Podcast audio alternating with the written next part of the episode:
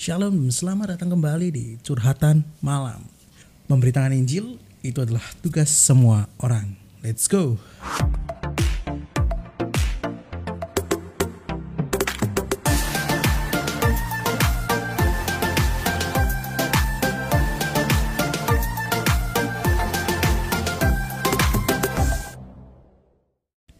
Pada curhatan malam hari ini kita akan berbicara tentang fokus pada tangan atau pada pribadi Tuhan.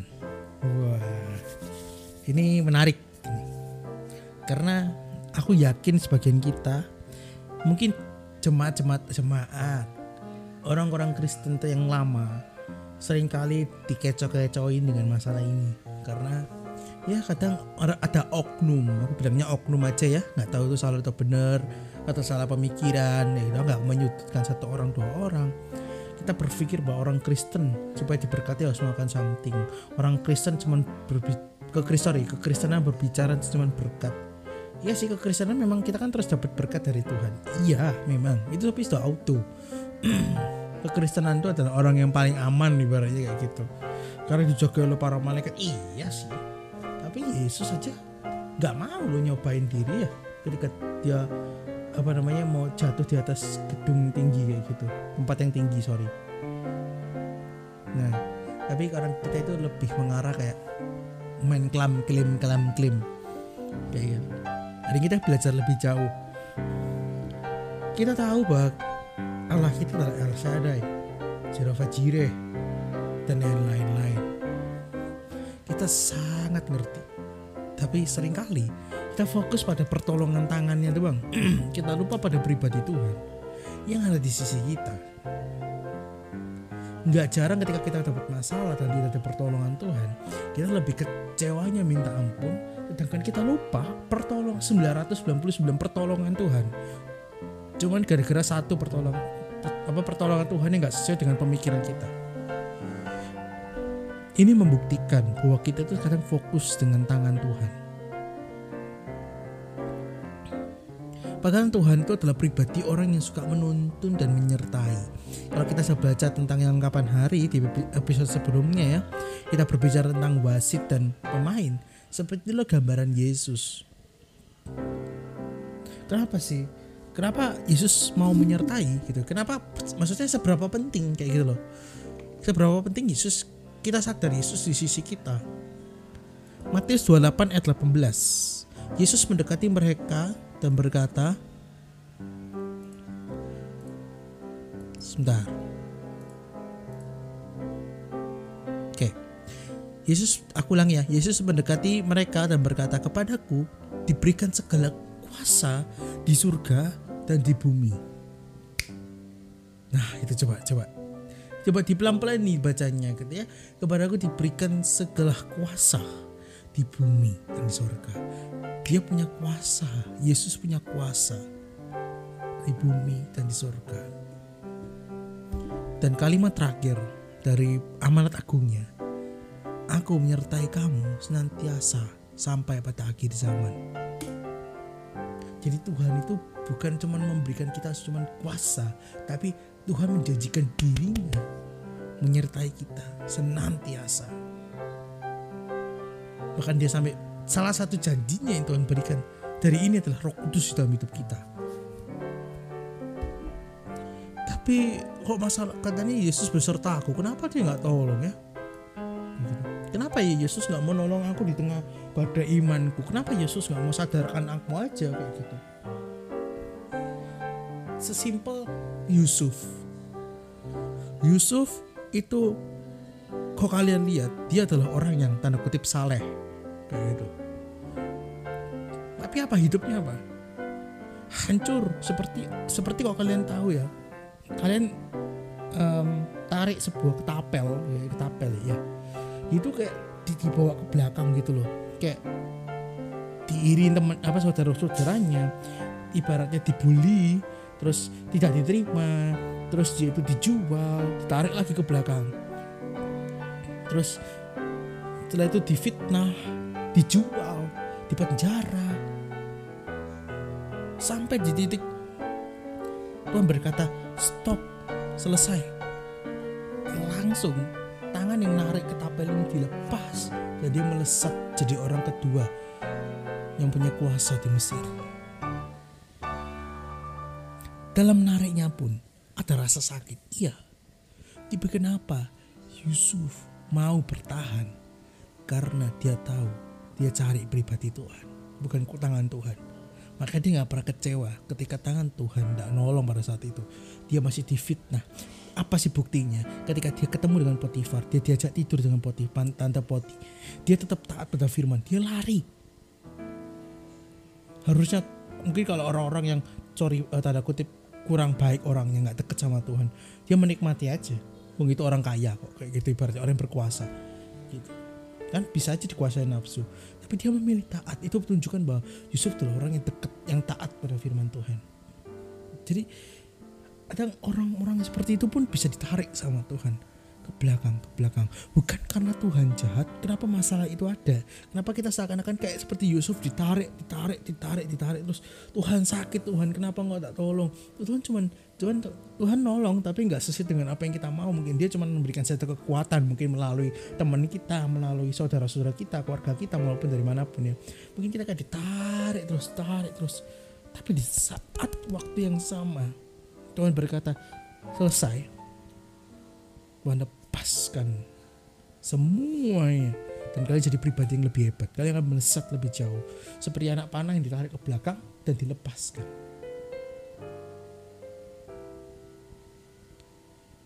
Tapi pertanyaannya pada saat kita ditarik kita percaya pada tangan atau pribadi Tuhan? Kalau kita pada tangan siap-siaplah ada kecewa.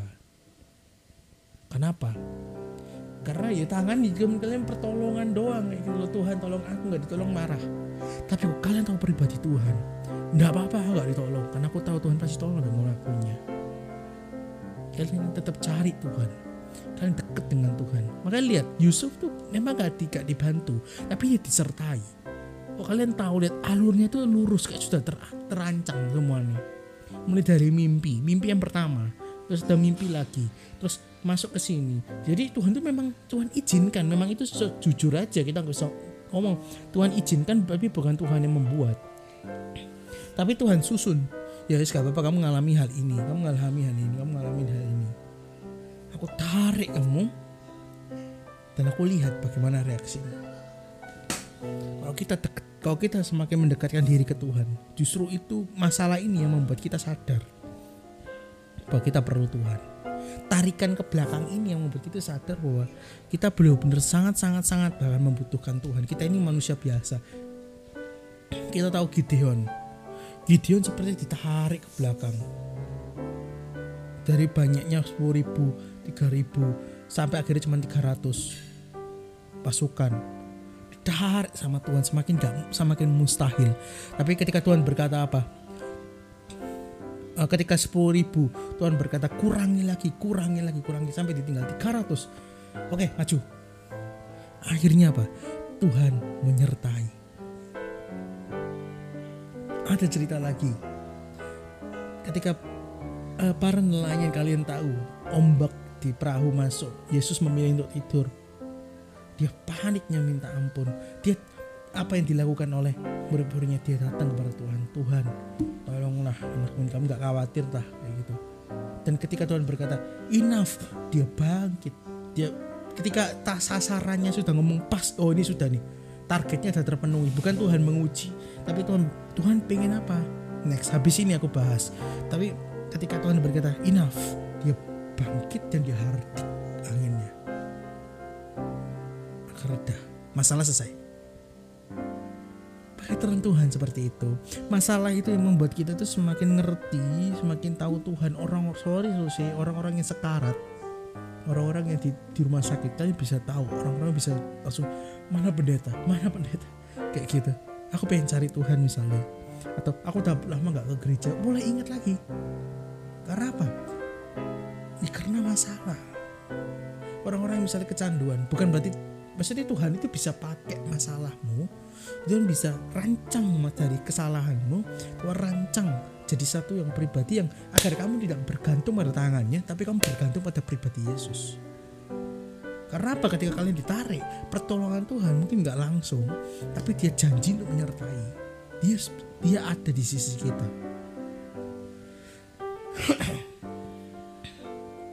ada ada satu pendeta di luar luar negeri berkata gini Rehat Bongki itu siapa gitu namanya? Lupa aku. Namanya rada sulit disebutkan ya kalian bisa tahu. Berkata kayak gini satu kurang lebih ya kebutuhan ketika kita meminta Yesus itu datang di diri kita. Karena apa? Karena Yesus sudah ada di sisi kita. Ngapain kita minta Tuhan kenapa nggak tolong aku kenapa aku nggak ada di sini? Aku di sini nak. Kok Yesus bisa berkata kita aku di sini. Cuman pertanyaannya kita cuman tak yang kita minta itu tangannya Tuhan sebenarnya bukan pribadi Yesus yang menyertai kita. Jadi kalau kita fokus pada tangan ya kita bakal kecewa. Orang Kristen katanya kaya kaya ya ada yang sorry itu sih ada ekonominya rendah sedang aja. Ada yang kaya raya juga ada. Jadi kalau kalian selalu berkata Kristen akan dapat A B C D E. Jangan-jangan kalian cuma cari tangan Tuhan. Kalian lupa inti dari segalanya yaitu pribadi Yesus. Kenapa? Karena dia orang tua kalian. Karena dia sudah seperti papa kita. Kasihlah dia. Ya apa cara kita ngomong-ngomong mengasihi dia? Ya lakukan perintah Tuhan. Ada satu ayat di mana oh kamu kamu mengasihi aku? Ya kamu akan menuruti segala perintahku kurang lebih seperti itu. Apa janji Tuhan? Roma 8 ayat 28 kalian ngerti ini tapi kita kadang miss untuk kita melakukan bagian-bagian tertentu. Yang per, ya kita baca ya. Kita tahu sekarang bahwa Allah turut bekerja dalam segala sesuatu. Kita garis bawah segala sesuatu untuk mendatangkan kebaikan bagi mereka yang mengasihi dia garis bawah. Dua itu. Yang pertama Tuhan turut bekerja dalam segala hal. Itu menunjukkan bahwa Tuhan itu menuntun. Tuhan itu ada di sisi kita. Karena dia bekerja di dalam segala sesuatu. Dia mau lagi baik lagi buruk. Dia tetap ada dia tetap bekerja untuk mendatangkan kebaikan. Tapi tapinya sayangnya di sini men cocok logi dipotong belakang yang terakhir. Bagi mereka yang mengasihi dia. Ya kalau kita nggak cinta sama Tuhan yang bicara Tuhan mau nolong kita? Sedikit simpel itu. Bukan berarti cintanya Tuhan luntur. Nah, cinta Tuhan tetap ada. Tapi ketika kita mencintai dia kita semakin bisa ngerasain pertolongan Tuhan. Kita bisa bisa ngerasain kehadiran Tuhan. Makanya kenapa sering kali ketika kita punya masalah mungkin kita nggak dijawab masalahnya tapi justru kita bertemu dengan solusi yang lain. Misalnya apa? Kita lagi kecanduan pornografi contohnya. Kita nggak ketemu solusi yang terbaik tapi kita ketemu kakak rohani. Si Tuhan tarik tarik tarik tarik tarik. Nah nih kamu mau melesat kamu harus siap-siap dulu. Ya karena Tuhan harus mau preparekan kalian dulu. Ketika kalian dapat satu mau dapat satu yang besar kalian harus prepare untuk dapat hal itu gitu. ibaratnya kalau kita punya restoran kalau kita mau ada 100 orang yang datang ya kita harus siap kapasitasnya 100 orang restoran kita. Ya ada hal yang sakit di mana kita harus renovasi buang uang. Tapi sama dengan kekristenan kalau kita mau siap untuk lepas dari pornografi ya misalnya aja ya atau kita dalam bisnis kita hancur sekarang. Ya Tuhan nggak akan tolong secara langsung tapi Tuhan memberikan orang-orang yang setia di sisimu selain selain Yesus ya ya misalnya. Atau memberikan orang-orang yang nyupport kamu. Atau memberikan donasi. Atau memberikan apa nggak langsung mungkin. Tapi Tuhan memberikan satu dulu des. Oh ternyata uh, kenapa masalah ini terjadi? Karena Tuhan ingin bentuk dulu. Kamu itu biar nggak egois. Mau minta tolong ke orang lain misalnya. Terpenuhi targetnya Tuhan selesaikan masalahnya. Satu-satu pelan-pelan step by step. Jadi kalau kita terus berkata Tuhan tolong aku Tuhan tolong aku nggak salah harus kita minta tolong ke Tuhan. Tapi ingatlah fokus kita bukan pada Tuhan. Eh sorry bukan pada tangan Tuhan, tapi pada pribadi Tuhan. Kalau kita pada pribadi Tuhan, kita bisa ngerasain, aku nggak nggak selesai sih masalahku, tapi hatiku damainya minta ampun. Itu salah satu penyertaan Tuhan. Kenapa? Bersama dengan Tuhan, semua itu fine, semuanya uh, apa ya baik-baik aja. Ketika kita tercebur dalam air ya, orang nggak bisa berenang. Itu panik kan. Malah apa? Malah tenggelam. Tapi aku baca beberapa berita kalau kita sebenarnya ya maksudnya kalau kita tercebur ya ibaratnya kayak kita nggak tahu dijatuhkan orang apa. Kalau kita nggak panik sebenarnya kita bisa ngambang. Kayak gitu. Kenapa? Karena kepanikan kadang itu membuat kita lupa dan kita fokus pada tangan Tuhan. Hari ini kita kembali ke fokus yang benar, yaitu kita pada pribadi Tuhan. Sehingga kalau Tuhan belum belum jawab seperti Yusuf di penjara sekalipun, dia tetap dekat sama Tuhan. Bahkan dia dipakai Tuhan. Jadi penyertaan Tuhan mendatangkan kebaikan ini bukan tentang hasil akhir yang besar yang aku dapat nih ketika aku merenungi hal ini. Tapi di dalam masalah kita ada kemenangan-kemenangan kecil, mujizat-mujizat kecil yang Tuhan kerjakan dalam hidup kita. Karena kita mengasihi Tuhan. Bukan berarti ketika kita melakukan do something kita dapat something. Enggak. Tapi Tuhan cinta Tuhan dan berlebih-lebih buat kita. Tapi ketika kita mengasihi dia, bukti kita mengasihi dia adalah kita ikut dan setia pada Tuhan. Itu mendengarkan dan melakukan firman-Nya. Jadi kalau kita fokus pada mujizat-mujizat, kita fokus pada berkat-berkat, kita lupa dengan pribadi yang memberi berkat dan pembuat mujizat. Ada satu satu cerita di mana ada KKR kesembuhan. Ketika orang itu sembuh, ketika dia disembuhkan oleh Yesus pada saat itu di KKR itu, dia apa namanya langsung pulang dan akhirnya nggak lagi ber, jadi dia itu cuma sembuh tapi dia nggak percaya Yesus akhirnya jadi sering kali orang bergantung pada tangannya. Tapi nggak salah ketika kita salah motivasi di awal. Gak apa-apa. Daripada nggak sama sekali kalian salah motivasi tidak apa-apa. Tapi jangan lupa harus diperbaiki setiap waktu. Menurutku kok ada orang-orang yang jauh dari Tuhan bisa jadi 50% mereka salah motivasi pertamanya.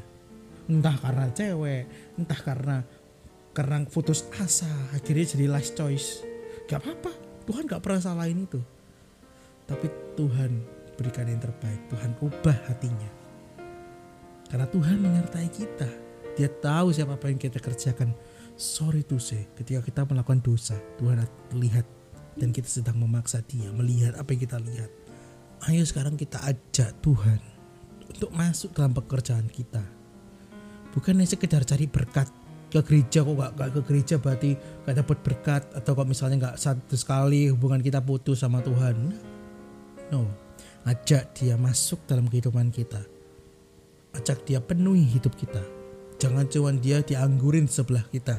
Tapi ajak bicara, ajak ngomong, ajak doa. Jadi semua itu komunikasi dengan dia. Dan ketika kalian ada masalah, minta pertolongan harus karena dia bapak kita. Bapak kita malah lebih sinis kalau misalnya kita minta tolong ke Allah lain. Iya dong, kan gengsi deh pasti ya kan. Ibaratnya seperti itulah. Tapi itu kan nggak gengsi ya. Maksudnya kan kalau kita di dunia aja loh masih kan gengsi toh. Kayak loh kamu udah bapak kamu minta ke yang lain kayak gitu. Tapi harus tahu fokus kita pada Yesus yang dapat, bukan tangan Yesus yang dapat kayak gitu. Iya sih kita pasti kan ngomong tangan Yesus menyembuhkan. Iya, tapi maksudku fokus kita mindsetnya. Yang paling penting mindsetnya. Kalau kita percaya pada Yesus, kita tahu Sekalipun masalahku nggak nggak nggak masalah, kita harus remind diri kita sendiri. Kita belajar untuk khotbah diri kita sendiri. Jangan berharap ketika kita jangan berharap ketika kita mendengarkan firman, kita nggak akan lupa. Pasti kita bisa lupa. Tapi di titik kita sadar, oh iya, itu langsung remind diri kita. Mumpung kita bisa menguasai diri, kita remind diri kita, kita khotbah diri kita. Gak jarang ketika aku ketika aku di titik terendah aku juga pernah sering banget ngalamin ngalamin masalah karena aku juga manusia biasa. Di titik di titik itu aku ngingetin diriku sendiri. Dan kamu kok jadi pribadi yang berbeda? Kembali. Aku kok ngerasa jauh ya? Kembali. Aku nggak cara aku kok ngomong ngerasa sombong ya? Jangan sombong lagi ingatlah Tuhan. Oh iya aku belum pernah ngomong tentang roh kudus contohnya gitu. Aku mau ngomong hari ini. Jadi aku khotbah diriku. Termasuk kalian khotbah diri kalian sendiri. Jangan sampai siap sharing orang lain cuma dicatat tapi gak pernah diingat kembali. Gunanya kalian catat yang notes kalian untuk kalian ingat lagi. Karena jujur kita manusia biasa kita bisa jatuh. Tapi keputusan terus jatuh atau kembali naik. M mungkin kita salah ngambil keputusan. Mungkin kita salah ngambil keputusan bahwa kita percaya pada tangannya. Kembali kepada pusatnya itu Yesus. Yesus tak janji untuk kalian ada masalah tapi Yesus janji menyertai dalam semua sektor. Dan ketika Yesus menyertai dan kalian mengasihi dia hal-hal besar siap-siap kalian akan lihat. Karena kok bersama dengan orang yang mempunyai semuanya kalian akan dapat hal-hal besar juga. Asal kalian setia dan percaya pada pribadinya, bukan tangannya. Oke. Jadi kalau kalian siap untuk ikut Tuhan, siap kalian ditarik ke belakang dulu kadang. Untuk ngerasain sakit dulu supaya kalian belajar banyak hal. Sampai Tuhan siapkan, Tuhan lepas dan Tuhan, kalian akan jadi orang yang luar biasa. Jauh beda. Oke. Semoga dia memberkati kalian. Jadi kalau kalian mau ikut Tuhan, berarti kalian juga siap untuk sakit. Semoga itu memberkati. Sebelum saya kita doa dulu. Tuhan terima kasih buat hari ini kami boleh belajar untuk fokus pada tangan pada pada pribadimu, bukan pada tanganmu Tuhan. Mungkin kami ada fokus pada pribadimu banyak hal Tuhan yang membuat ketika kami ikut engkau lebih tepatnya Tuhan kami mungkin ngerasain sakit karena banyak proses yang kau kerjakan dalam hidup kami. Tapi kami tahu Tuhan bahwa ketika kami cari mencari pribadimu kami tahu kalau ini berasal daripadamu. Kami tahu Tuhan. Karena itu yang kau izinkan bukan yang kau buat. Karena kami yakin kau ada maksud di balik ini semua. Dan kami mau ikut semua instruksimu. Berbicaralah terus di hatiku di hati kami Tuhan. Biarlah kami jadi pribadi yang lebih daripada memenang ketika kami melewati semua penderitaan semua masalah ini Tuhan Kau berikan mereka kekuatan. Kami percaya Tuhan bahwa Engkau lah Allah penyembuh, Allah membuat mujizat hingga detik ini sampai sama namanya. Di dalam nama Yesus kami berdoa dan mengucap syukur. Amin. Oke okay guys, jadi kalau kalian suka dengan episode kali ini, kalian bisa share ke teman-teman kalian. Dan see you God and God bless you. Bye bye.